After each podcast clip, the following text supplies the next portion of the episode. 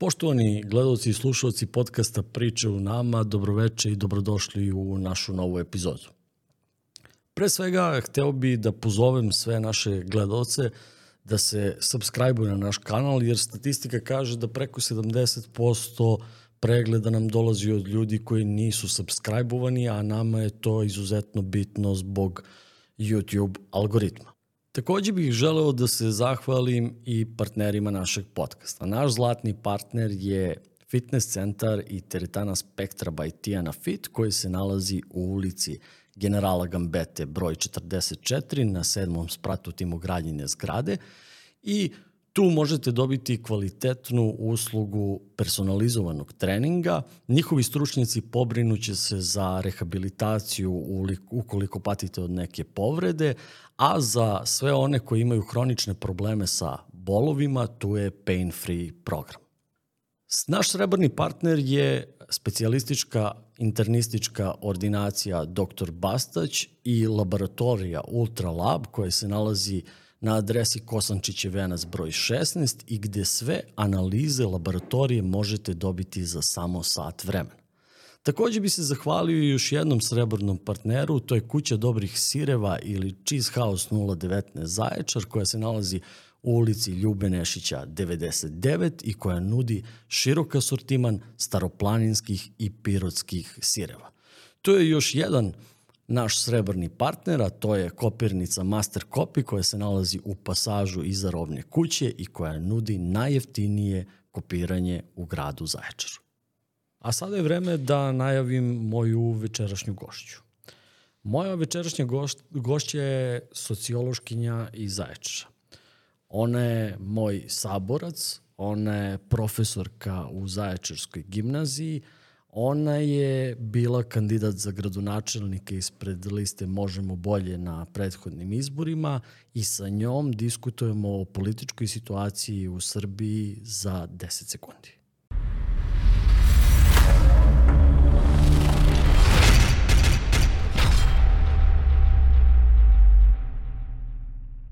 Ćao Gago, dobro mi je došla u večerašnju epizodu podcasta Priče u nama. Ćao Miloše. jako čudan mesec. A, išli smo iz toga u, iz nikad gore u, u opet probuđenu neku nadu i a, nadu da će se neka promena desiti u ovoj zemlji, odnosno da će se taj a, narativ nasilja koji je sve prisutan u zadnjih nekoliko godina u Srbiji, da će se iskoreniti i da će konačno, a, ajde da kažemo, konačno da ćemo doći do svetla na kraju tunela. A, 3. maja, 3. 4. i 5. možemo slovno da kažemo maja, desile su se dve tragedije na, na teritoriji Srbije, tačnije obe su bile na teritoriji grada Beograda, a, s tim što je jedna bila u okolini Beograda, odnosno u selima okolo Mladenovca, Malomorašju i Duboni, a druga je bila u osnovnoj školi u Beogradu, odnosno prva, ako idemo po redosledu događaja. A, kaži mi kako, kako, su, kako su uopšte, pošto si, ajde da kažemo da si prvenstveno i da ti je primarna profesija sociološkinja i da si profesor u srednjoj školi, kako su deca u Zaječaru a, odreagovala na sva ova dešavanja koje su, koje su nas pratila u maju? E, odreagovali su isto onako kao što smo odreagovali i mi, malo stariji, jel? Uh, a, prosto bili su e, začuđeni, zbunjeni i uplašeni. Prva reakcija neka na koju sam naišla bila je strah. E, I to je jedna potpuno opravdana emocija ovaj, kada se dešavaju tako ovaj, velike tragične stvari. Uh, ja sam naravno uspela da razgovaram sa njima i da probam da nekako, kako kažem, racionalizujem tu čitavu situaciju koliko sam mogla u tom trenutku. Da bih prosto videla kako oni razmišljaju uh, zašto se sve to dogodilo i, i da bih nekako ulila upravo tu nadu da neke stvari zavisi od nas i da sve te stvari možemo da menjamo u nekoj budućnosti. Kada se dese tako velike tragične stvari, naravno prvo što postavite kao pitanje je zašto. I zašto je jedan kompleksan, jedno kompleksno pitanje, a odgovori su još kompleksniji. Znači, kada pogledamo unazad u čemu mi živimo, dakle, u, u, konstant, u konstantnom uh, verbalnom nasilju koje nam se a, plasira preko medija, to ta konstantna deoba na one koji me podržavaju i koji me vole i one koji me nas ne vole i tako dalje, sve je to nekako, kako da kažem, trebalo da bude predviđeno, odnosno moralo je da bude predviđeno posebno od strane onih koji snose najveću odgovornost, a to je vlast, Dakle, da takav jedan narativ koji se nađe u javnom prostoru mora da dovede do nekih posledica. Uh, ja ne mogu da kažem da je proizvod tih tragedija uh, sama vlast, ali je sasvim sigurno uh, prosto ambijent u kome se um, dešava naš svakodnevni život. To je ono što je, kako da kažem, negde sasvim sigurno doprinelo, doprinelo tome da se prosto takve stvari dese. Uh, ono što je karakteristično jeste dakle da imamo, kako kažemo, uh, dva događaja. Uh, jedan je uh, na obodu Beograda, jel tako pričamo o, o Mladenovcu, imamo drugi koji se nalazi u epicentru Beograda, dakle samom centru. Samom centru. I sa druge strane imamo, kako kažemo, e, e, dve, dve e, socijalne grupe pogođene. Znači, znate, obično imamo onaj, kako da kažemo, onaj, onaj, onu predrasudu da se nasilje dešava u nekim sredinama koje su malanje urbane, koje su, ne znam, ovakve ili onakve. Međutim, evo sad se to desilo, znači u samom centru Beograda, dakle, gde prosto ne možete da sakrijete pogled niti da okrenete glavu na drugu stranu. Znači, jednostavno morate da se suočite sa time. I kada smo se suočili sa time, onda smo došli do toga da se prosto javi taj, kako da kažemo, i bes i gneva i sa jedne strane, znači osjećaj bespomoćnosti kod ljudi i želja, znači da se ta situacija promeni. Uh, imali smo različite proteste u prethodno vreme koji su, opet kako kažem, skretali pažnju na ono što je bilo loše jel, u društvu, ali čini mi se da nekako nismo bili dovoljno svesni uh, da jednostavno takve stvari mogu da se, da se dogode. Kada su se desile, odjednom smo, znači, kako da kažem, postali svesni da to je realnost koju živimo i pretpostavljam da je i zato a, reakcija a, prosto ljudi ogromna u tom, u tom kontekstu da su jednostavno videli čekajte šta posle ovoga možemo da očekujemo. Da je ovo prosto sam kraj. A kako, kako u ostalom i, i tvoje kolege i ti, kako komentarišete a, izjavu iznetu tog dana bivšeg, već mogu sada da kažem, ministra prosvete Branka Ružića da su za, za ovo krive zapadne vrednosti i kako uopšte komentarišete njegov čin ostavke? Oh, to je, to je uh, političarenje u jednom trenutku u kome apsolutno nije bilo mesto takvim izjavama. Uh, Znači, to je ono kada vi hoćete prosto da skinete odgovornost sa sebe, pa onda lepo kažete da je, da je, da su, da uprete prstom u nekoga i kažete da za to je kriv neko drugi nismo, mi smo mi ti koji snosimo odgovornost. Ja sam postavila pitanje kako je moguće da smo, ako pričamo o tim zapadnim vrednostima, činjenice da su se takve stvari, kako kaže, namo su takve stvari bile poznate, posebno ove, o, masakri u školama, nešto što smo videli u Americi do sada, nekoliko puta i bili smo, kako da kažem, obavešteni da se to dešava tamo, ne videli dešava se ovde. Da, videli smo i u Rusiji, naravno, okej. Okay. Ali nekako smo, kako kažem, taj epicentar svega toga je bila baš Amerika. I nekako smo to povezivali sa, sa, sa, sa tim. Međutim, uh, I uvek postavljam pitanje, ako pričamo o zapadnim vrednostima, zašto ne pričamo o demokratiji, zašto ne pričamo o poštovanju procedure, zašto ne pričamo o očuvanju reka, zašto ne pričamo o očuvanju uh, uh, vazduha, kvaliteta života, postojanju institucija. institucija, privrede i svega ostalog, znači što jednostavno funkcioniše, uh, zašto smo samo to, kako da kažem, ovaj, targetirali kao neku, neku problematiku u čitavoj priči, a nismo sve ostale stvari pripisali. Dakle, to je bila jedna, za mene, u tom trenutku jedna vrlo sporna izjava uh, uh, ministra Ružića Jer, pazite, u tom trenutku uh, nema, uh, nema tu prostora, nema tu mesta da, da vi izlazite sa tim. Prosto nekako je moralni čin da spustite glavu i da kažete uh, iz moralnih razloga nije bitno šta će se utvrditi daljim procedurama. Znači, ja moram da podnesem ostavku jer je to nešto što je prosto prirodno.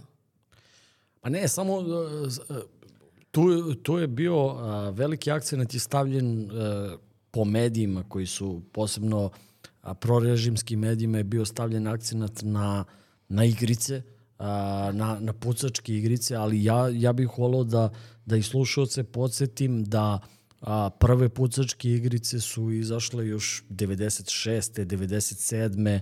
To su bili Quake, Doom, uh, Country je nastao, ja mislim, 2000-te ili, ili možda i ranije pre toga se igrao po igronicama kad smo mi bili srednjoškolci, Tako. se već igrao kanter i nikada se nije desilo da neko uzme očev pištolj i da dođe da puca po školi. Mislim, to, znali smo šta je igrica, šta je realnost. Mislim, to je, tako. to je realno. Da, da igrice izazivaju tako nešto, mislim, ne postoje samo pucačke igrice, ima, ima svakakvi... Strateške, kakve god. Kakve god. Mo, moglo bi svašta nekom da padne, padne na pamet. Jasno. E, tako da je meni to bilo onako simptomatično da se o tome priča, ali sa druge strane, a, rekla si jednu stvar da, da, smo se, da nas je zateklo to što se desilo. -hmm. A, A ja mislim da, da samo nismo bili iskreni prema sebi, jer, jer ako, ako pogledamo, ako pogledamo a, ljude na ulici koje svaki dan srećemo, tu, tu nema osmeha. Konflikti nastaju na jedno trubljenje u, u saobraćaju. A, pogledaš a, hroniku, šta, šta se dešava. Mi nemamo samo, mi nemamo samo da, da su se desile ove dve tragedije. Ja mislim da smo mi a, daleko prešli statistički broj ubistava koji su se desili u 2023. godinu u odnosu na, ja mislim, dva kvartala 2022. godine. Da, da ove godine, koliko to ti možda bolje od mene znaš, 18 femicida je Tako ove je. godine, a, Pre neki dan smo imali ovde u Zaječaru napad nožem a, ispred, ispred nekog lokala. A, imali smo policajca koji je ubio čoveka u priboju boksom. Imali, znači, svaki dan neko novo ubistvo, neko, neko novo... A, upotrebio bi jedan izraz koji, koji nije baš primeren a, medijima, ali a, stalno, a, stalno se a, to nasilje. Imamo, imamo a, Kristijana Golubovića koji na televiziji sa nacionalnom frekvencijom objašnjava kako je najlakše u suštini ubiti čoveka. Tako je. Samo treba da te niko ne vidi. Upravo to. Inače, najlakše je ubiti čoveka.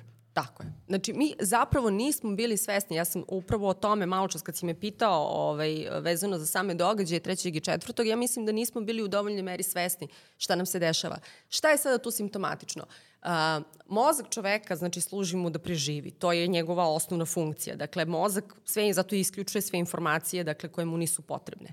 Dakle, mi imamo nagon da preživimo kao jel, ljudska bića, ovaj, kao vrsta. Iz tog razloga, dakle, mi smo u jednom trenutku imali jedan uvid koji je za mene bio strašan, a to je da mi možemo da živimo naše individualne živote okruženi samo našim prijateljima, u našim roze balonima, da nas prosto ništa ne zanima što se, je, što se tiče znači, neke javnosti, što se tiče neke politike. Vrlo često sam čula nekih ozbiljnih ljudi za koje sam smatrala da su vrlo pametni, da je politika zabava za prostake. Izvinite, molim vas.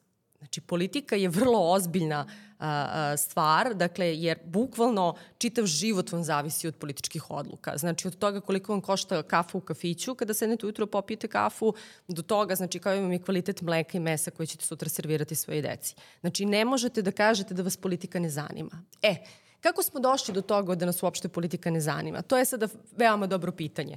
Dakle, zato što smo uh, živeli u sistemu koji 30 godina, znači, govori ljudima uh, da nije ništa na njima, da moć nije njihova, da nije u njihovim rukama, nego da je moć uh, plasirana i data, jel? tako je, samo onim uh, srećnicima, dakle, koji su uh, u vrhu vlasti i oni su neki korumpirani političari, politika je niska, prljava i zla i time se ne treba baviti uopšte, Uh, dakle, i vi imate onda prirodna, taj, taj mozak to prirodno onda radi. Selektuje tu vrstu informacije i kaže ja neću time da se bavim.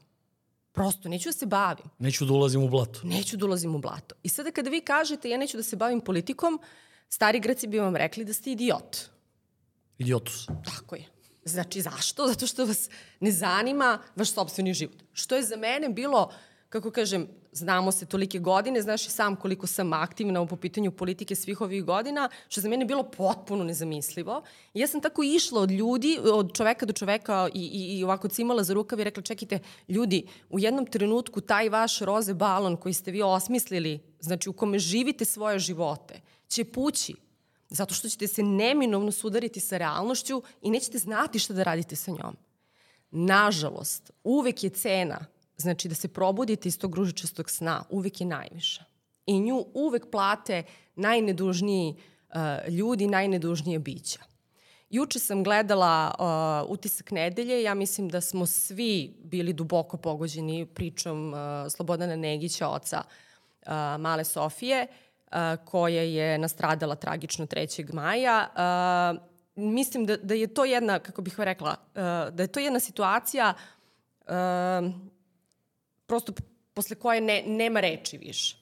Juče je bila emisija, ja mislim, u kojoj su svi plakali. Tako je. Cela Srbija, mislim, svi oni koji su gledali, a pošto vidim da je to izuzetno deljen sadržaj na, na društvenim grupama, na druž, uh, dru, ovim društvenim mrežama, društvenim mrežama ovaj, pretpostavljam da su svi došli u kontakt sa tim sadržajem i da su to videli, makar delić toga.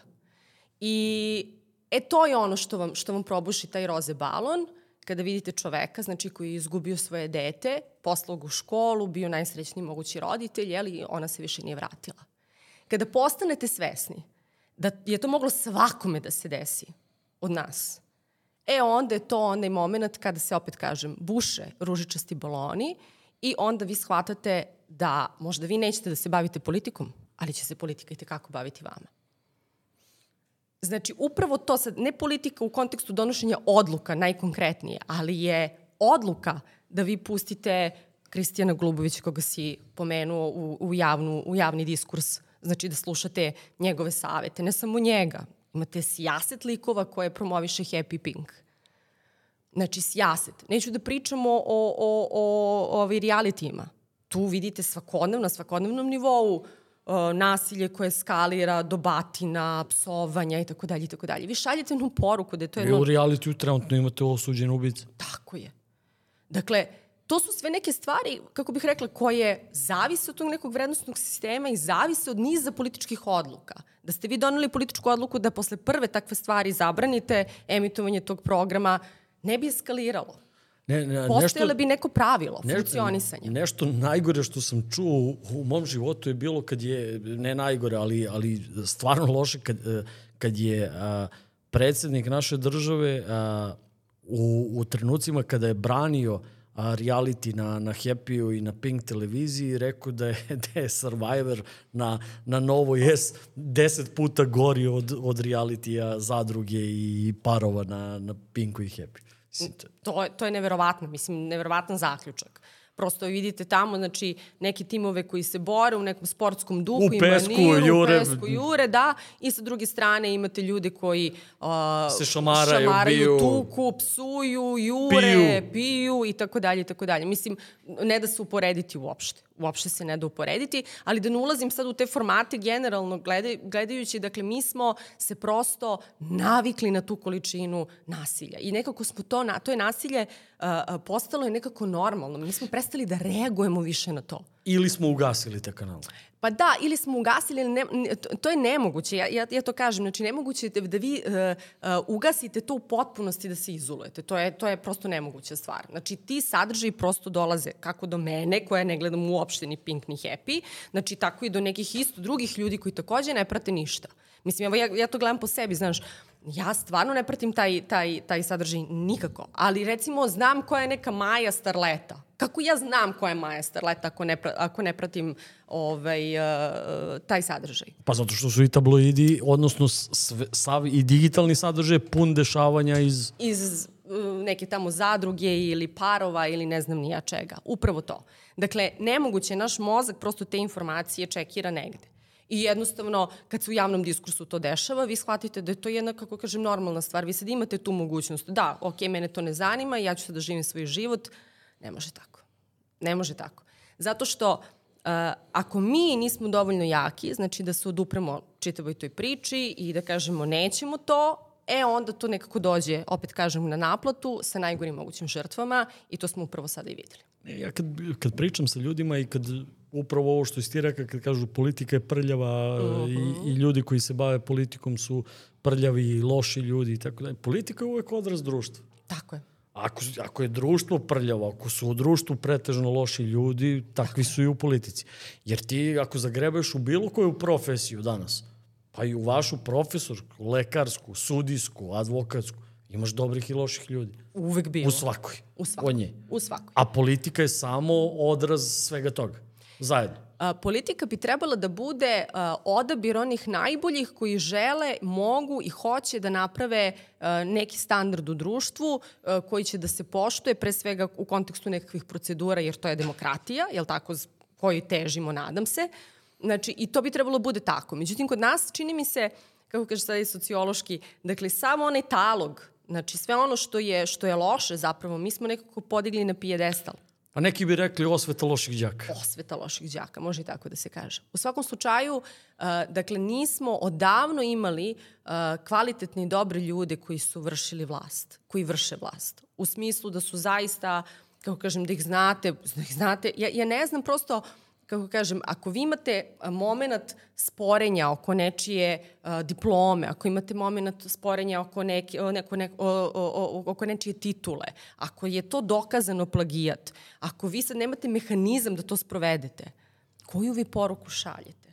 Pa to je, to je samo odraz toga. Ti, uh, nekad smo imali, nekad smo imali to da su uh, a, recimo diplomate u predstavništvu na našem u inostranstvu, naši najuticajniji pisci, akademici, ljudi koji predstavljaju ono najbolje iz, iz, iz naše zemlje, a sad je, sad je recimo Ministarstvo spoljnih poslova prenatrpano starletama koje su preko veze došle sa Akademije SNS i to je, to, to je ono što živim. Upravo se o tome radi. I onda kada imate, pa jeste taj diskurs, znači koji je uh, uh, sveopšte prisutan. Znači, gde god da zagrebete. Hoćete politiku, tu.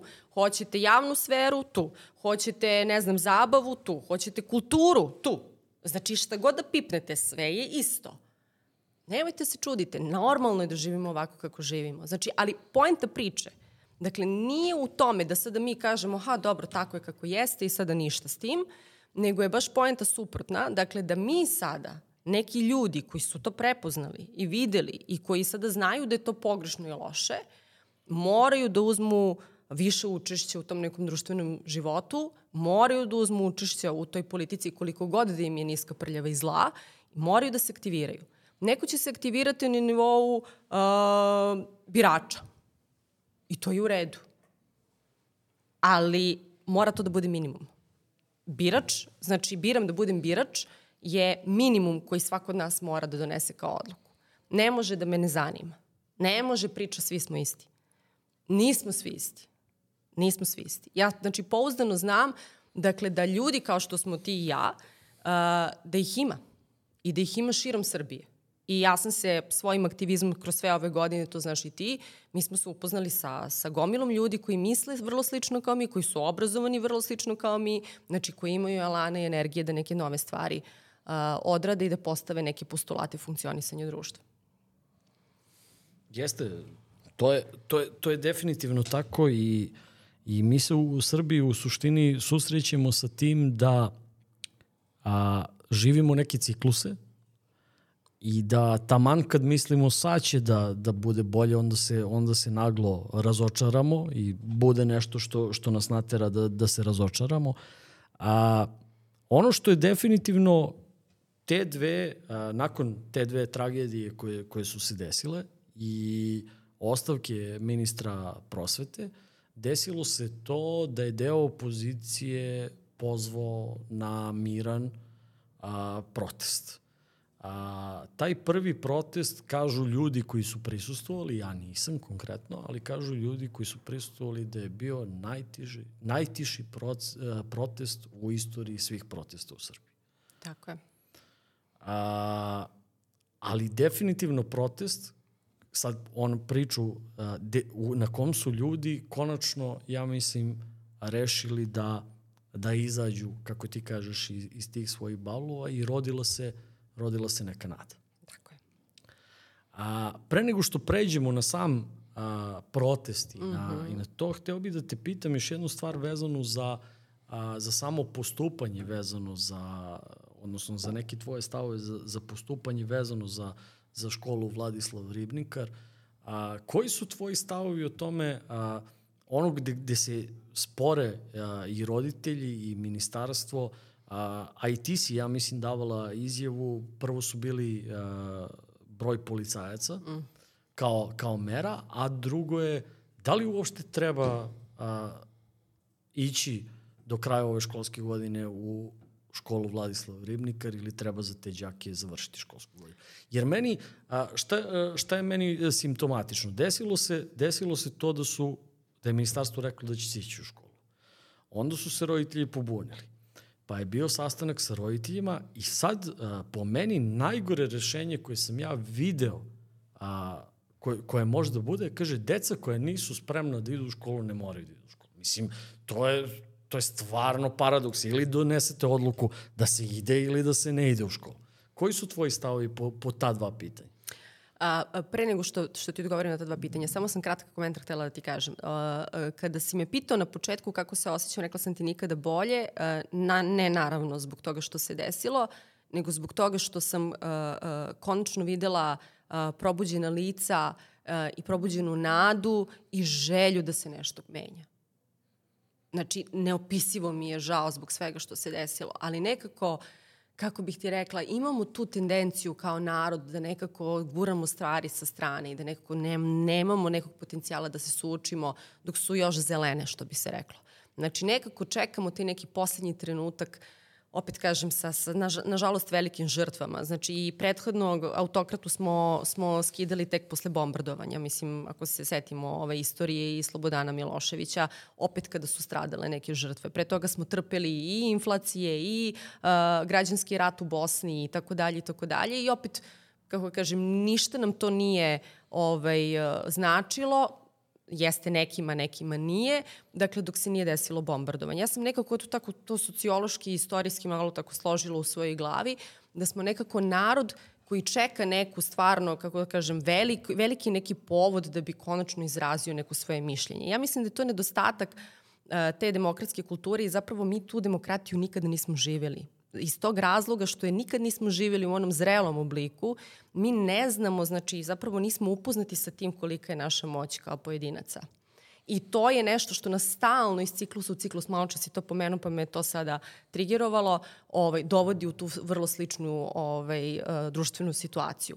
E sad kada da se vratim na priču o Ribnikaru, uh, militarizacija, ja sam to komentarisala ovaj, na, na jednoj televiziji, uh, militarizacija je, je jedna, kako kažem, odluka koja je u tom trenutku bila uh, od strane predsednika predložena kao uh, neka mera meni se čini da u tom trenutku niko nije znao šta bi trebalo da se radi, ali to i nije bio trenutak da se donose tako neke velike odluke. To je bio trenutak kada je trebalo samo reći stati i reći stani, okej, okay, ovde nešto debelo nije kako treba. Mi sad moramo da odradimo jednu dobru reviziju čitave situacije, jedan dobar screening čitave situacije, pa da donesemo niz nekakvih mera tek kada budemo se malo odmakli od čitave te priče i videli šta nam je dalje začiniti. Kada imate tu priču sa policajcima koji su neprestano ispred, ispred škola, koju vi poruku šaljete? Ja sam to upravo o tome razgovarala sa, sa svojim učenicima. Pa ja, ja, mene bi bilo više strah da idemo u školu u kojoj su policajci stalno tu. Upravo. Jer, jer zamisli recimo da smo odlučili da vojsku stavimo sa, sa mitraljezima ispred škola. Upravo. Dakle, neprestano šaljete poruku ovo mesto nije bezbedno. Ovo Upravo. mesto nije bezbedno. I niko se ne osjeća dobro Znači u tome da sada vidi policiju koja šeta, znači stalno tu je prisutna. Mislim, koliko vi god hoćete, naprosto mislim da sad to sklonite sa strane, da kažete da ti ljudi rade u našem interesu. Mislim, prosto ne možete da prenebegnete takav osjećaj. Jednostavno, to šalji poruku nismo bezbedni. I to nije dobro rešenje. Znači, treba verovatno neke bezbedonosne mere povećati, sasvim sigurno, ali tako transparentno Definitivno ne. Definitivno ne.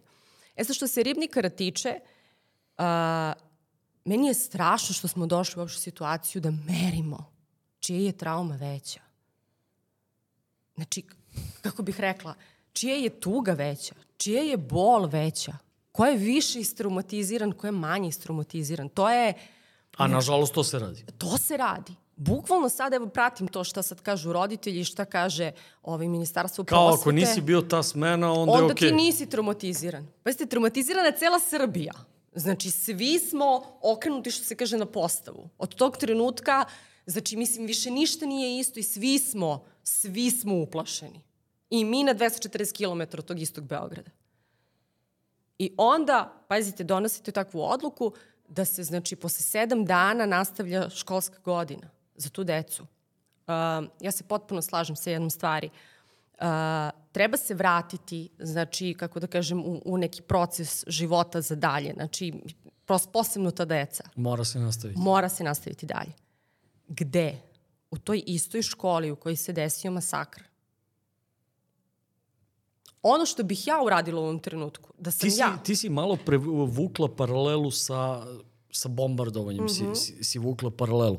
A kada je, kada je bilo bombardovana Savezna republika Jugoslavija, a nas nisu vratili u škole od marta. Je, od marta. Zaključili su nam ocene, odnosno od a, maja kad je već bilo, Marta. a, a, zaključili su nam ocene i poslati smo kući. Tako je. I to je bilo to. To je bilo to. Nismo polagali ni prijemne ispite, niti bilo šta. Te godine se E, desilo. a ja iskreno mislim da, da su ova deca doživjela mnogo veću traumu nego mi za vreme bombardovanja. Uh, možda mi, ako pričaš kod nas, o nama konkretno u Zaječaru, sasvim sigurno, jer mi nismo doživjeli to, ali opet kažem, ne možete, ja, ja se i dan danas kristalno sećam, znači i tog bombardovanja i veruj mi da još uvek čujem zvuk sirena. Znači, jako je prošlo koliko godina od tada, 20, jel? Znači, imam još uvek vrlo živo sećanje na celu tu priču. Iako ni jedna bomba nije pala, nije ovde razoreno ništa, nije stradao niko moj i tako dalje i tako dalje. Ali recimo Beograd, Novi Sad, Niš, gde su padale Aleksinac i tako dalje. Znači, naravno, uh, uh, ne možemo da merimo traumu, ali šta možemo da uradimo za tu decu, šta možemo da uradimo za te roditelje? Naravno da možemo da skratimo, to je mesec dana. Znači, ovaj, prosto školsku To je godinu najsmešnije u za celoj njih. priči. Nije se naj- desilo u septembru. Tako je. Znači, i na kraju krajeva, nemojte da dovodite decu znači, na tom mestu gde su doživjeli traumu. Prosto, prosta stvar. Ja bih tu, da sam ja sada neko ko odlučuje u ovom trenutku, naravno da bih prekinula školsku godinu za njih, Uh, uopšte više nije pitanje ocena, mislim da to nikome više nije, nije ne, postavlja, ne postavlja pitanje, mislim kako će se ova školska godina završiti, sa kojim uspehom i tako dalje. Uh, potpuno bih rekonstruisala školu. Potpuno. Znači da više ne podsjeća znači, ni na šta što je, što je, što je sada, mislim, u tom obliku.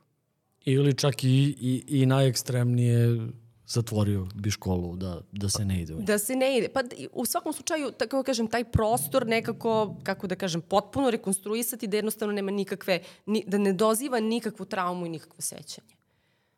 Ne, To, je, to, to bih ja uradila da sam. I, I prvo i osnovno, prvo i osnovno, a, vi morate da razgovarate. Ne možete da donosite odluke naprečac, znači da niste razgovarali sa ljudima koji su direktno pogođeni time. Ne možete to. Odakle vam pravo za to?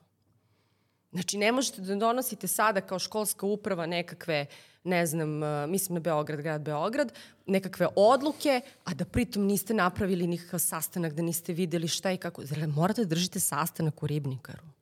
Ja samo mislim da oni, uh, da su oni navikli da, da nikog ništa ne pitaju.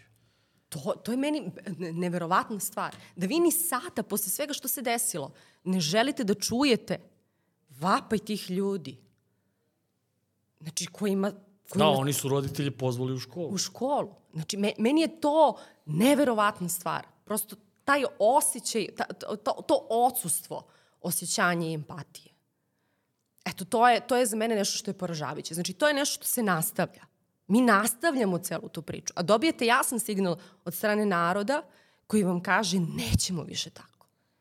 I sad, znaš, bili smo na posljednjem ovom protestu u, u subotu, u petak, ja se izvinjavam sada, ovaj, koji je bio, uh, pratili smo proteste ranije, to znaš, išli smo ovaj, oni kad je bio, mislim, svakvi protesti za ovih 10-15 godina koliko smo u politici, znaš, komentarisali smo nikada više, nikada više ljudi ja nisam videla na ulicama nego tada. E sada, kolika je uloga, kolika je uloga vlastodržaca u tome što se jedan protest koji je krenuo kao protest protiv nasilja, očigledno sve više i više pretvara u protest protiv vlasti. A, ono što, što smo mi videli, vide, mogli smo da vidimo da niko od sem a, ministra prosvete, od članova vlade, pa ni predsednika Republike nije došao u školu Vladislav Rivnikar, niti da, da upali sveću, niti da se upiše u knjigu žalosti, to nije uradio ni gradonačelnik Beograda. A, Jeste Ja- par ministara pre neki dan. Možda. Možda, Jeste, nisam, jeste. možda nisam ispratio to, ali mi je, ali mi je fascinantna, fascinantna stvar da, da oni i u tom trenutku, u tom trenutku, po, po mom mišljenju, a, neka moralna odgovornost bi bila u tom trenutku da cela vlada podnese ostavku. Moralna. Moralno, tako je. Pa čak i da je Skupština ne prihvati. Tako. Ali moralna neka odgovornost je bila da cijela vlada, jer tu uopšte nije bitno, uopšte neću da ulazim, niti smatram da su ti ljudi u vladi krivi za, direktno Tako za je. to što se desilo. Tako je.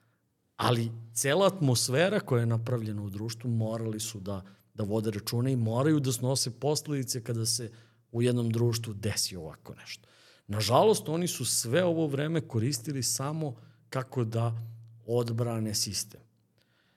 I simptomatična mi je izjava, ja mislim, Radomira Lazovića kada, kada, kada je rekao dok u Skupštini premijerka Grčevito brani tezu da sistem nije zakazao, kaže a, neuropsihijatrijski bolesnik koji je otpušten sa lečenja pre dva dana u Zrenjaninu raketobacačem kuću uništava. Da, da, da. E, to je, to je neka, a, to je neka, ne postoji slikovitije objašnjenje kako, kako kod nas a, taj sistem funkcioniše i a, ti protesti su krenuli, a, ja mislim da je sad bio treći ili četvrti po redu. Ja mislim treći. Treći po redu protest je, je bio a, svakim a, novim protestom je sve više i više ljudi.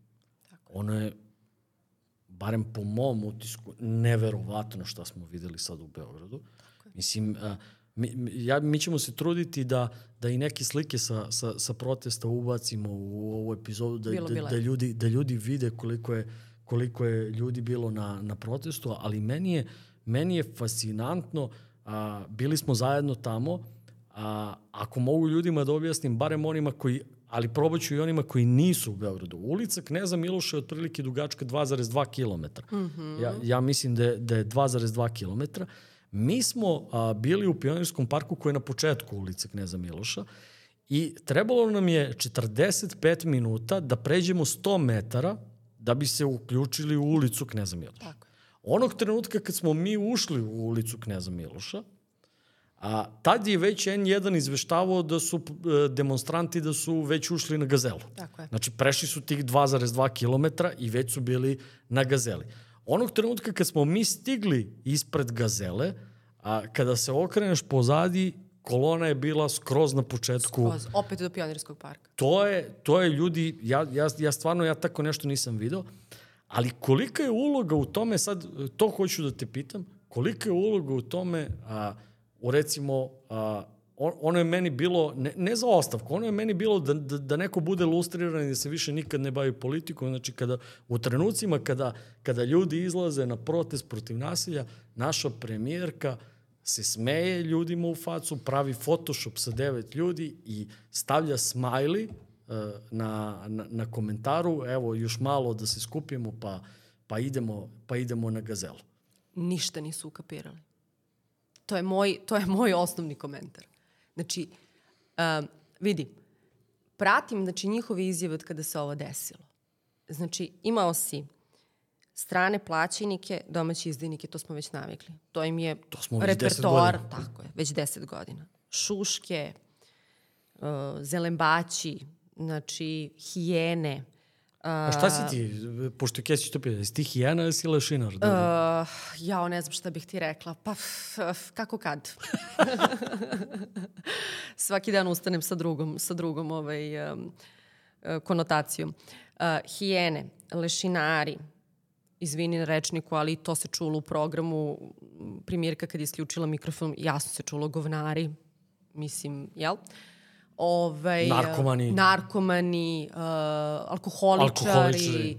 i tako dalje, i tako dalje. Pazite, s, uh, s jedne strane imaš proteste, znači koji su taj ti prvi na kojima nismo bili, ok, ali smo slušali o tome, nikad tiši, znači ljudi nemaju potrebu da podignu glas i sa druge strane imaš znači vladu, imaš ljude u vlasti koji koriste dijapazon znači uvredljivih reči uh, kako bi se odbranili. Prosto, ja to kažem, pazi, pazi, da se uopšte ne baviš politikom, da si se sad probudio iz svog ružičastog balona, samo da pustiš, znači, kako kažem, dve, dve situacije, da vidiš samo te dve situacije, da vidiš koliko su diametralno suprotne, sve bi ti bilo jasno. U potpunosti bi ti sve bilo jasno.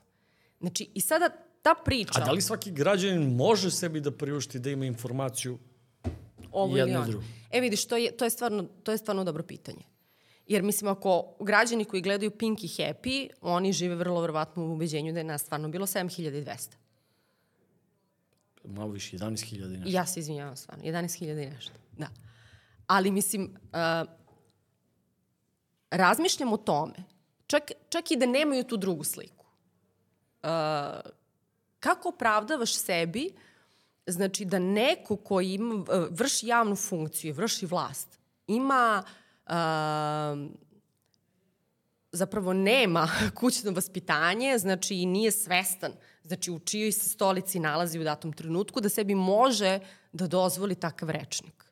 Meni bi to bilo, znaš, da, da potpuno ne znam ništa o politici, da uopšte nisam u tome, me, ali da znam da su znači ti ljudi koji vrše vlast na nekakvim funkcijama, neki ozbiljni ljudi koji se bave nekim ozbiljnim poslom i tako dalje, dozvoljavaju sebi u takvom jednom trenutku takav rečnik. Prosto, znaš, mozak ti se pobuni, pa čekaj, kome se obraćate vi sa tim? Kome? Ko su ti lešinari? Ko su te hijene? Ko su ti uh, uh, narkomani, alkoholičari? Mislim, primetio si sada u petak kad smo bili, to su ljudi sa malom decom. Ako si primetio, ljudi guraju kolica, nose bebe u rukama, uh, sa kućnim ljubimcima, nenormalno uh, mnogo mladih na ulicama Papir nije pao na ulicu. papir nije pao na ulicu. Znači, to je jedna, kako da kažem, jedan praznik. Pogledaš neki narod koji je normalan. Znači, u, u, u, ima jedan normalan zahtev da živi, da živi onako kako treba da živi. I onda ti u celoj toj frci organizuješ neki kontra miting, nade. Ma što organizuješ miting, nego što ti, a, kad, Čemu god, to? kad god se orga, organizuju ti protesti a, tog dela opozicije, ti dovodiš četiri čoveka, onoga A. iz Telegrafa. A, u, Da, kao komentatore kao i analitičare. komentatore i analitičare i oni onda drvlje i kamenje Tako je. po svemu. po svemu što je. Čekajte bre ljudi, izašao narod neki. Znači neki narod koji, koji, mislim, kako kažem, koga vi predstavljate i to ne u malom broju i svaki, svaki petak ih je sve više i vaš uh, uh, jezik i rečnik umesto da bude sve tiši, da, da pognete glavu i da kažete dobro ljudi, šta mi možemo da uradimo sada, znači u smislu sa vašim zahtevima, sa svim onim što vi tražite od nas, ne, vi se još kao naljutite i onda tim, tim ljudima kažete da su hijene i lešinari. A kako tumačiš to da je jedini a, do sada od svih njih Đuka shvatio tu poruku? Šta je? I, po, I poslu pomirljivu poruku u smislu nemojte na te ljude, nemojte... da- Zaista, Da. to, to nisam ispratila Da, da, da, ovaj da, ja Đuku, mislim- ali ja mislim da to nije standardna njihova igrica. mislim da Bad cup, Tako, good good, cup. Bad cup, good cup. Znači da je to standardna njihova igrica, ovaj, ali mi je prosto neverovatno znači da ljudi mogu tako da reaguju. Mislim, prosto, šta vi branite ako ne branite taj narod? Šta vi branite? Pa vi reprezentujete taj narod. Ako je taj narod, znači, izašao nešto da vam kaže, kako možete, znači, da kažete da su lešinari? Mislim, ko ste vi? Ljudi, vi ste samo ljudi koji su baš posredstvom tog, tog naroda izabrani na te funkcije. Niste tu zato što ste Božji delegati, nego zato što vas je upravo taj narod tu doveo. Pa ako narod hoće nešto da vam kaže, kako možete da se sa tim na taj način Ali, uh, Gago, imamo... Ni- imamo, ne mogu ni šalite. je- Imamo posla, imamo posla sa čovekom koji, koji pred uh, protest uh, 19. sad, što je bio prošli Mhm. petak, uzme i kaže, meni je drago da oni iz Novog Sada u Beograd mogu da dođu vozom koji sam ja napravio. Da.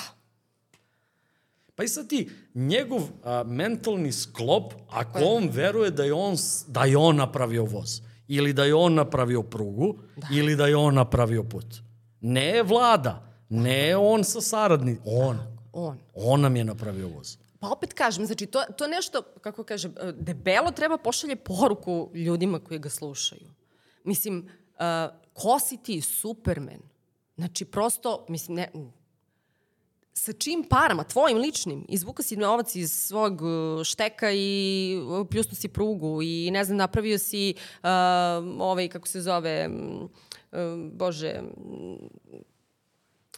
ne znam što se Mislim na, na Vračar i na ovaj, um, Bože, Sveti Sava. A hram. Hram A da, Svetog pa, Save. Čekaj dok da, se setim. da, da, hram, da, hram. I tu, i tu, i tu, i tu je bila izjava, nisam ga ja završio, Znači, ja, sam ga na- napravio. Upravo to. Toga sam setila, ne mogu se setim da je hram, da. Ove, hram Svetog Save i tako dalje. Znači, tu su, tu su fantastične stvari, mislim, fantastične zamisli. Prosto, kako bih ti rekla, znači, meni je to prosto neverovatno. Uh, svakom normalnom bi trebalo da bude neverovatno kada neko to tako kaže. Ti si samo jedan čovek, šta si uzeo da gradiš ciglu na ciglu, šta si pravio, put, šta si po rizlu. Mislim, prosto mi nije jasno, ja sam napravio. E sad, kako tumačiš, upravo apropo tih stvari, kako tumačiš to da jedino što, što je on uspeo da smisli 12. posle, posle tog drugog protesta, mm. on je jedino uspeo da smisli, e sad ću da napravim kontra miting da vidite koliko imam to je, uh, to je uh, kao što je i policiju ovaj, stavio kada se to desilo, ovaj, pojačao ovaj, policiju ispred škola, to je opet neko iznuđeno rešenje, zapravo on smatra da je to neko rešenje koje će njemu uh, jel, podići rating jer je svestan koliko je ova cela situacija ozbiljna. Ja sam sigurna, potpuno sam sigurna, uh, da je možda prvi put do sada, u odnosu na sve proteste koji su se dešavali, da, je, da se prvi put osjeća zaista ugroženim. I e, da je ovo zapravo e, iz ugroženosti svoje povlačenje poteza koji su u najmanju ruku neracionalni. Mi smo sad imali, a, 19. je bio i skup, a, ja ne znam koga je organizovao, kažu predsednik, predsedništvo, a, da je organizovalo u Pančevu. Da, u Pančevu. I tu se jasno videlo koliko, koliko na tom skupu nema energije. Tako je. Koliko je, koliko je to prazno i koliko, koliko on nema energije. To u njegovom govoru se videlo koliko on nema, Nema energije. energije. Pa to je jasno. Zato što su to, opet kažem, sad bi ono narodski rekli potezi, potezi očajnika, Ove, ali ne bih ja, oni imaju još uvek jako veliku moć. Znači, odmah da se razumemo. Ne treba se upuštati. Ne treba se upuštati nikako, ali sa druge strane činjenica da je, nje, da je on prvi put osetio zaista sada da je njegova moć ugrožena. I da je prosto taj 26. za kada je zakazao svoj kontra miting, kontra, opet postavljam pitanje čemu, znači čemu kontra, ovaj, uh, da je to neko iznuđeno rešenje u datom nekom trenutku i uh, da sada prosto nema gde. Znači, i ja verujem i mnogo mi je žao uh, ljudi sada koji, koji rade u, u, u državnim institucijama, uh, koji će sada biti maksimalno pogođeni čitavom tom pričom u kontekstu uh, da će biti ovaj, odvođeni na, na taj miting. A, interesantno je bilo da, da je gradonačelnica Niša, A, da. ona je, ona je otka, otkazala je i pozorišnu predstavu za taj dan, a rečima da će cijela Srbija biti tog dana u Beogradu i šta ima tog dana u Nišu da se održava I predstava. pozvala ljude. I pozvala ljude, a posle toga objasnila da, da i u ovom trenutku se krene po kancelarijama, one su prazne zato što sede po kafićima. I mrtva ladna rekla, ko je odgovoran? Ja sam Ja sam. E, vidiš, kad bi se to desilo u nekoj zemlji u kojoj je procedura jasna, znači šta misliš, šta bi se desilo s tom gradonačelnicom posle te izjave? Pa ex-gradonačelnica. Apsolutno. Istog trenutka bi postala ex-gradonačelnica. E, i to je ono što mi živimo, evo već deset godina. Znači da, kada kažeš, znaš, nema institucije u društvu, kada to, kada to kažeš, Sad neki prosječan čovek kaže št, kako bre nema institucija, lepo odem u policiju, uzmem tablicu, registrujem auto, uh, izvučem ličnu kartu, odem po pasoš, odem u, u opštinu po, po, po izvod iz matične knjige rođenih, venčanih, državljanstva. Kako ne funkcionišu institucije? E, tako ne funkcionišu institucije. Tako ne funkcionišu institucije. Da li, si, da li si možda videla na snimcima, na snimcima a, sa, sa protesta u, u Panč, odnosno, uh -huh. odnosno miting, nije to protest. Mhm. Da, da, ne, ne, miting šta je u protest. Pančevu, da. Miting u, u Pančevu. a, kada stoji kordon Aha. ljudi koji ne daje ljudima da izađe, E, iza e. tog kordona stoji policija Tako je. i ne reaguje. E, pa to je, to je nedostatak institucije. Pazite, u državi gde je garantovano, znači ustavom, sloboda kre, da je garantovana sloboda kretanja ustavom. I to je ljudsko pravo. Neko kaže zatvori. Neko kaže zatvori i ljudi stoje, pazi, meni je to fe, fenomenalno. Ljudi, Probili su. Da, ali uh, bilo je potrebno vreme, bilo, bio je potreban jedan čovek, znači da dođe i da kaže, ma pusti bre i da probije celu tu priču i da vidi da ništa neće da se loše desi iza toga. To ne znamo. Da, to ne znamo šta se desilo na kraju sa tim čovekom, ali bar na tom snimku ono što smo videli, znači izašao je iz toga i čovek je nastavio dalje. Koje konsekvence ima, sigurno, možda ima, možda nema, ali uh, upravo taj snimak je uh, takav dokaz, znači u, u čemu mi živimo, svih ovih godina. Da apsolutno, stvarno više, kako kažem, ništa ne može da mi iznenadi. Ništa ne može da mi iznenadi šta sve može da se desi. Može svašta, ali zaista može svašta da se desi. Misliš negativno. Apsolutno. Jer pozitivno još uvijek može da me iznenada neki Da, stvari. e, što, što bi, znaš, sad, sad smo ušli u, u, u, u, u to razmišljanje, razumeš, znači da bi me takve stvari iznenadile, a da me ništa negativno više ne bi, ne bi iznenadilo. Koliko je toga, znaš. To je, to je, to je priča, kažem, koju živiš na, na nekom realnom nivou, neće neko ti asfaltira ulicu samo zato što ti živiš na toj adresi. Zato što si protiv politike kojom, uh, koja u tom trenutku vlada. I ako živiš u centru grada, iako je izrovarena ulica, iako ljudi iz grade platili, znači da, da, da ove, asfaltiraju ulicu, neće čovjek da izvede, znači da asfaltira ulicu, zato što ti živiš tu. Ili neće da te zaposli ako imaš svoje mišljenje. Tako je, neće te zaposli ako imaš svoje mišljenje ili ne znam ni ja šta sve neće, razumeš, znači zato što mu se može. Eto, to je to. To je ta gradonačelnica Sotirovski iz Niša. Sotirovski iz Niša postoji u svakom gradu. Tako je. Imamo i mi Sotirovski ovde gradonačelnicu. Da, da, Sam, samo što je gradonačelnik u pitanju. To. E sad, a, interesantno je da je da je i naš gradonačelnik iskoristio poziv da na miting, a, taj veliki miting Nade, kako ga oni zovu, a, 26. maja iskoristio a, je priliku da pozove svoje simpatizere i simpatizere Srpske napredne stranke, ali je isto tako nije propustio priliku da izvređa sve one koji drugačije misle. Pa smo tu imali i to da oni koji šetaju u Beogradu rade za strane agenture, šuške, a boguhuljenje, standardne priče što se tiče što se tiče svih političara SNS, a ono što mene naročito brine je da je i predsednik čak u Pančevu kad je kad je bio rekao da je on što mi je bilo onako smešno, a bilo je smešno i, i bivšem direktoru VOE, odnosno vojno bezbednostne agencije, mm -hmm. im je a, obaveštene agencije, im je bilo a, bilo mu je smešno, a, on je upotrebio izraz da je dobio informaciju od sestrinskih agencija sa istoka, mm. Da je ovo u Srbiji u pitanju obojena revolucija. I onda, I onda se čovjek nasmejao, koji je, koji je bio direktor voje, se nasmejao u smislu da sestrinski i bratske agencije ne postoje. Mislim, koje su bratski i sestrinski agencije, kog on to smatra za sestrinsku agenciju, to je prvo pitanje koje, koje, koje je interesantno. Drugo pitanje, a automatski a, targetira sve ove ljude koji šetaju da su a, poslušnici stranih agentura i da su državni neprijatelji. Nastavlja Kako? se ista priča. Kako je uopšte, ti si, a, ti si žensko da. i baviš se politikom.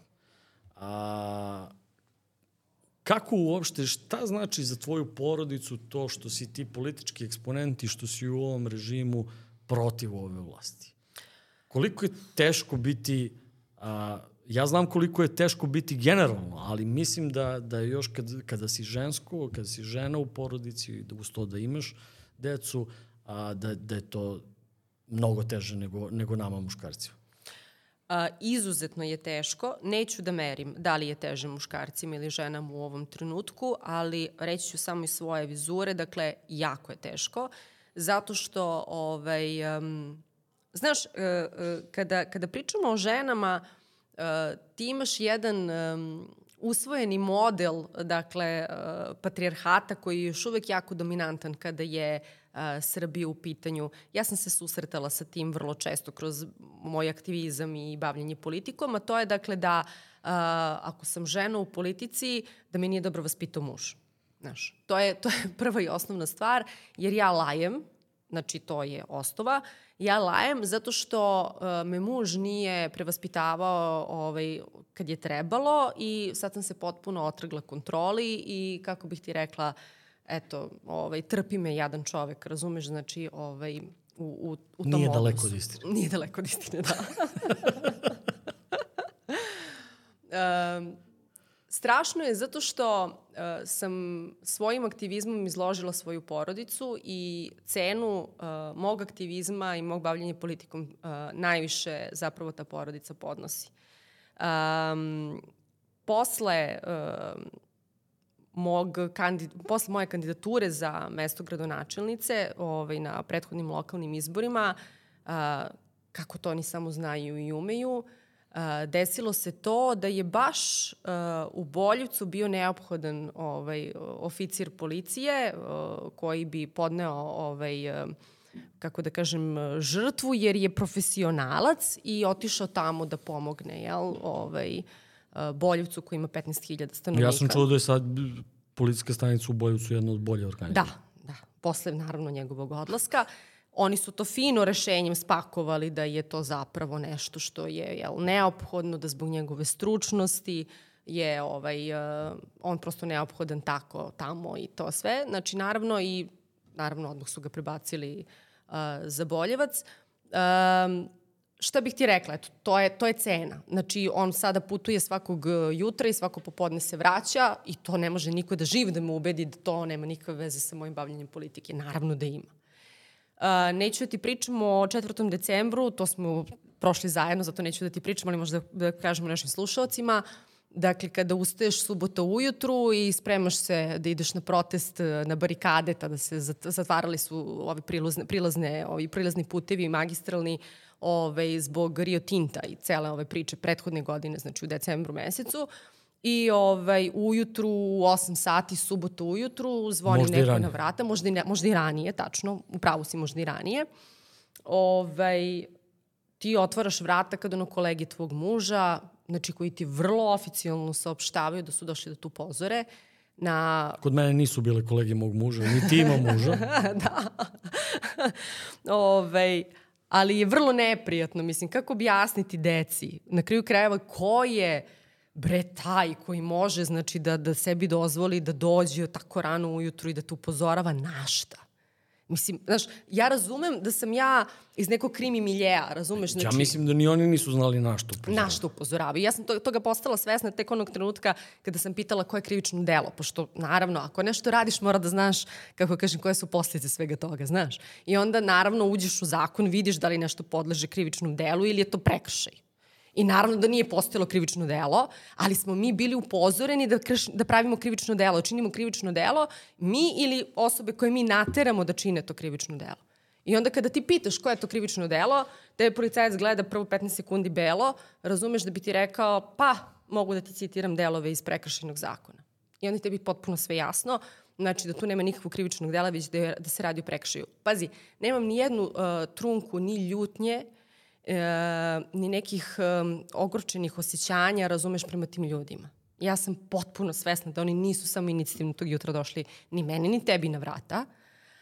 Ali sa druge strane, znaš, um, postoji nešto što se zove autoritet i postoji nešto što se zove ličnost u kontekstu da ako ja lično smatram da nešto nije u redu, pazi, ne postoji ucena Znači, ne postoji nešto čime možeš da me uceniš da bih to uradila. Prosto ne postoji. Shvataš? Znači, sutra može neko da dođe da mi kaže ti si od sutra tehnološki višak važi. I ja sam bila spremna i na to, a to isto može da mi se desi. Ja sam to i doživao. Da, eto tako. Ti si to doživao, ti si prošao kroz to. Prema tome, znači, sve su te stvari potpuno uh, kako bih ti rekla, uh, uh, normalne, normalne, ne znam da nisu normalne, ali su kod nas vrlo česti, vrlo normalne, pričamo o Srbiji, ja sam spremna i na to. Ja nemam nikakav problem. Znači, niti sa otkazom, niti sa smenom, niti sa bilo čime, znaš. Zato što postoji, postoji nešto dublje u meni, um, a to je, uh, ja možda neću imati para da svojoj deci kupim baš sve što žele, zato što ćemo vrlo verovatno živeti teško. Znaš, nemam problem sa tim, ali imam strašan problem sa tim. Da sutra moja deca odrastaju, znači u saznanju da sam radila nešto uh, i nekome nanosila zlo zato što mi je tako rečeno. Sa tim imam jako veliki problem. Ja sam imao situaciju, kod tebe su, kod tebe su bili inspektori ili, ili, ili viši činovi su bili. Viši. A, kod mene su Zbog bile... specifične situacije kod, samo. Kod mene, kod mene su bila tri mlada policajca kad, kad, kad se to desilo i mogu da ti kažem da je, da je policajcu koji, bi, koji mi je saopštavao ja i dalje ne znam šta mi je saopštao. Malo, zato, malo zato što nisam bio skroz budan, malo zato što on nije znao šta priča, ali, da. ali u smi, njemu je sve vreme drhtao glas. Zato što on, znaju da je nešto i, pogrešno. I, I on je mene upozoravao na, na neku krivično delo i do, bukvalno mi je rekao, znate, vi činite krivično delo. Kažem, koje krivično delo? Mislim, stojimo ja naspredno, koje ja? Ne, ne, ne, kao, ja moram da vam, ka, kaže, ja mo, meni je rečeno da vam kažem da vi činite krivično delo. Tako, dobro, hvala na, na svemu tome. Ja ih nisam ni pustio unutra, niti, niti su mi probudili srećom ni, ni decu, ni, ni ženu, ali ali to jeste onako kad, kad, kad prođe, znaš, ne, ne u tom trenutku, nego kad prođe onda shvatiš, onda shvatiš sa, sa, sa čim se suočavaš ili ona situacija koja, koja nam još uvek nije razjašnjena, gde smo, gde smo ti i ja pisali krivičnu prijavu, gde još uvek nemamo nikakav odgovor oko toga šta se desilo sa kupovinom glasova na dan izbora, gde gde imamo informacije da su ljudi mm. uhvaćeni u kupovini glasova, mm. ide ni tužilaštvo, ni istraga, ništa nije mrnulo, ni unutrašnja kontrola, nije se mrnulo mm. odatle, a A bilo je te situacije, definitivno. Pa, bilo je x situacija tog tipa, znači samo, samo je to poenta, dakle, ovaj, prosto, kako bih ti rekla, uh, ja mislim da će sve stvari, razumeš, znači, s nekim vremenom, razumeš, uh, vreme je nepobitna kategorija. Znaš. I sad svako ko uopšte misli, razumeš, znači da će uh, vremenom ostati moćan, ja moram da mu kažem, to je civilizacijska istorijska tekovina. A, neverovatne civilizacije su postojale i propadale. I vlasti. I vlasti bile i propadale. Znači, to je jedna neminovnost, znači jedan početak, trajanje... Kraj. Kraj. Znači, ako vi živite u tome, dakle da se vama ništa neće desiti, da će sve, celog života vama biti fenomenalno i da ćete vi uživati sve privilegije i svega, znači ono što radite, odmah da vam kažem nećete. Nećete. Ne zato što ja to hoću, nego zato što je to prosto neumitna, neumitna stvar. Znači, prosto će se dešavati stvari, stvari idu, znači svojim nekim tokom, znači naša, naš rast i razvoj ide nekim svojim tokom društveni, neminovno, mislim, prosto u jednom trenutku nećete više biti toliko moćni. E sad, ja nemam vremena da čekam taj trenutak. Nemam vremena da čekam trenutak da to samo dođe i prođe, uh, zato što sada imam već blizu 40 godina i stvarno razmišljam da kao generacija koja je prošla, upravo ono što sam malo čas rekla, uh, građanski rat, sankcije, inflacije, bombardovanje, Uh, posle toga smo imali taj jedan mali ovaj, mirni period, uh, opet menjanje države 2006. i Crna Gora otišla, pa smo i to, ovaj, ne znam koliko država smo živjeli ovaj, od, od početka rođenja do dana današnjeg, pa onda ovaj, dolazak ovaj, SNS-a na vlast, pa sve ovo što se sada dešava, jedna, jedna potpuna degradacija društvena i na kraju kao, kao zaključak sve ovo što se desilo. Znaš, za 40 godina to je stvarno mnogo. Pa samo nismo drugi svetski rat prošli. Da ali mnogo negativnih stvari, razumeš? Znači, pa onda razmišljam o tome uh, kako sam tako sazrevala, pa i da vidim šta ja mogu da uradim, razumeš? Znači, da prekinem taj niz loših stvari. Dajte bre ljudi, znači da, da, da donesemo neke odluke, da napravimo neki sistem koji može da funkcioniše u kome će svako da nađe svoje mesto i da bude srećan. Ti ružičasti baloni imaju smisla samo u tom sistemu. Samo u tom sređenom sistemu, ali opet, opet, Um, što se tiče ljudskih prava, ja sam, ajde da kažem, neko ko se time bavi kroz, kroz svoju profesiju. Ako ne osvestimo da za svaku stvar treba da se borimo iznova i iznova, bez obzira na to koliko puta je osvojena. Mi moramo stalno da je potvrđujemo kroz vreme. Ako pustimo Ako se ne borimo, ode. Ode sve. Pa mi smo, evo sada to vidimo, imamo u toku prethodnih godina u Evropi ste imali Poljsku koja je se zalagala za zabranu abortusa. Evo, tome se radi. Dakle, imate jedan, kako kažem, ne, ne, par krenu, excellence kre, krenuli, krenuli smo unazad. Uh, mislim da je...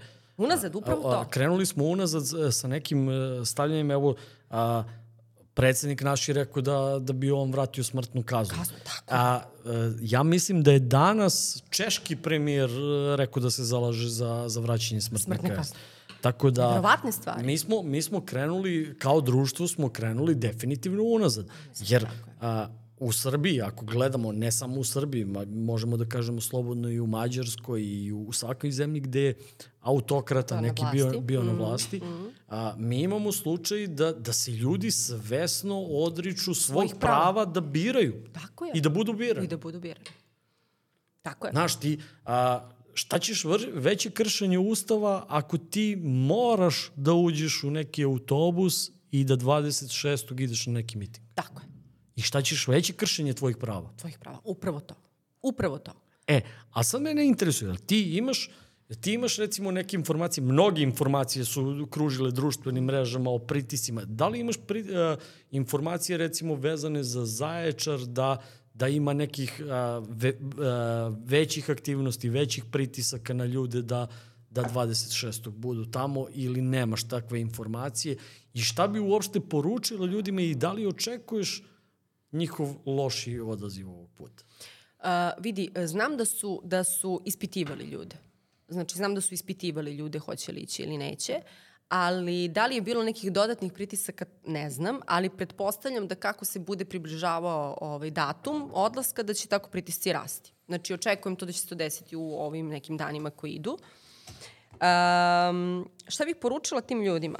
Pa poručila bih ono što sam malo čas rekla vezano za sebe i za svoj aktivizam i delovanje. Dakle, nemojte da se plašite uh, otkaza. Ja, ja uvek kažem jednu stvar. Vidite, kad smo ujedinjeni u, u nečemu, znači pa ne može da da otkaz vama uh, 50-oro. Znači, koji ste budete stali iza te odluke da ne idete. Znači, ne može da da otkaz vama 50-oro. Ne može ni 10-oro. Znači, prosto porazgovarajte sa ljudima iz svog radnog okruženja, pa vidite prosto ovaj, kako stojite sa tim. Uh, sa druge strane, ja opet kažem, to je sad sve, sve zavisi od kako percipirate svoj sobstveni život. Ja kažem, znači mogu da živim sa tim, da sutra nemam para, kupim svom detetu nešto što mu je, što mu je možda bitno u tom nekom procesu odrastanja, ali imam jako veliki problem sa tim, da sutra svom detetu objašnjavam da sam uh, podržavala autokratu i nekog koji je napravio sredinu u kojoj nije bezbedno živeti kada si dete od 13 godina. Da li očekuješ, to, to mi nisi odgovorila, da li očekuješ da bude, da bude, ajde da kažemo, buntovnih ljudi koji će u većoj količini odbijati poziv da sada krenu 26? Ja se nadam. Imali smo a, iznenađujuće, ajde da kažem, mislim iznenađujuće, bivša ministarka Zorana Mihajlović Da. je okačila sliku protesta, pa smo imali i Šormaza, Da. A, koji, je, koji je rekao da stavio sliku protesta i napisao da je ovo rezultat Vučićeve vlasti, pa je onda i Đuka koji je posle prvog i drugog mitinga bio u studiju gde je podgrejavao atmosferu, sad krenuo da, Spušta loptu. da spušta loptu. A, mene, mene živo interesuje, mene živo interesuje, ok, proći će i taj 26. Mm. doći će i taj 27. i makoliko ljudi da bude, uh, mislim da je naš zečarac Miloš Zdravković na, mm. na, napisao a, sad skoro jednu rečenicu koju onako me je nasmejala kad kaže a, zamislite da na vaš rođendan a, plaćate ljude i terate silom da dođu i da li biste bili srećni organizacijom tog rođendana i da li biste bili srećni kako je, kako je to ispalo. E, kaže, čini mi se da, da oni to upravo sad rade. upravo sada radi. Ja mislim da je on svestan uh, toga, ne samo kad je vezano, kad je pričao o ovom sada protestu koji ide, mislim, to je standard.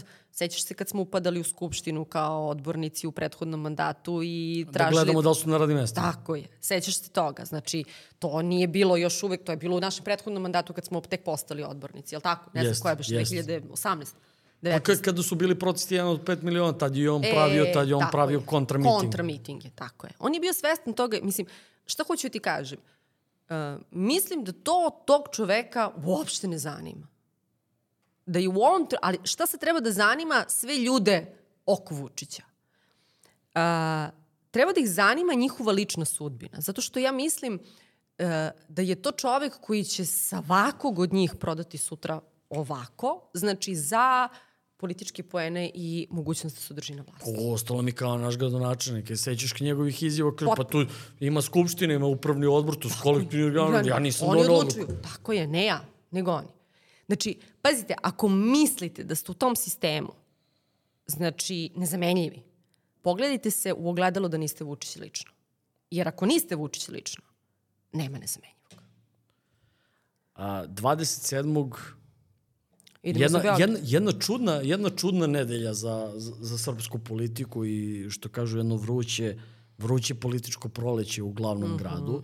26. je a, miting a, veliki Srpske napredne stranke, 27. je miting protiv nasilja opozicije, a 27. je i skupština a, Srpske napredne stranke mm. na kojoj se očekuje da Vučić više ne bude predsednik iste tako, tako najavljuju. Uh -huh. A, ti si rekla da nemaš vremena da, da čekaš da dođe taj prirodni kraj svega toga i da hoćeš to da ubrzaš. Kupila si patike i gde ćeš biti 27. U Beogradu. Kao hijena ili kao lešinar tog dana? Vidit ću kako, kako ovaj, mi raspoloženje bude nalagalo tog jutra. Znaš da kod mene, te sam blizanac, ja to ne znam sad da razumeš šta će biti baš ovaj, u subotu ujutru, ali ovaj, kupila sam patike i u Beogradu sam sasvim sigurno, kao i prethodnog vikenda, tako i ovog. Znači, nemam dilemu uopšte da treba da budem tog 27. A, 27. ću i ja biti u Beogradu. A, ja bi ovom prilikom a, iskoristio, odnosno iskoristio bi ovu priliku da pozovem sve i naše sugrađene i sve one koji nisu naši sugrađani koji gledaju ovu emisiju. Šetnja je zdrava. Tako je. A, ide vreme bazena, treba da se oblikuje telo. telo. Šetnja može samo da bude samo da bude zdrava, tako da bi ja svakom 20, ne 26. 27. bi preporučio svakom da, da izađe i da, i da prošeta. A, svako ko, ko bi hteo da ide za Beograd, neka nam se javi, možda bi mogli i da, i da podelimo prevoz i da, i da se organizujemo, bit ćemo radi da, da to uradimo, ali se nadam da se vidimo u velikom broju 27. i da ovo što je Gaga rekla skratimo ovaj rok koji je, koji je bitan, jer ja mislim da ovo ovako nije bilo nikada. Nikada. U Srbiji. Nikada. Ja sam sigurno to da nije bilo nikada, znači i sigurna sam dakle da su sada ljudi više nego ikada rešeni dakle da nešto menjaju i zato sam i rekla opet ponavljam ovaj na početku da se nikada nisam bolje osjećala uh, samo iz tog razloga što uh, jednostavno uh, posle tolike apatije svih ovih godina konačno znači neki normalni ljudi koji traže normalan život ovde i završavamo. Gago, hvala ti što si bila a, naš gost i 27. smo svi u Beogradu, a mi se vidimo u novoj epizodi u sledeći ponedjeljak. Hvala tebi.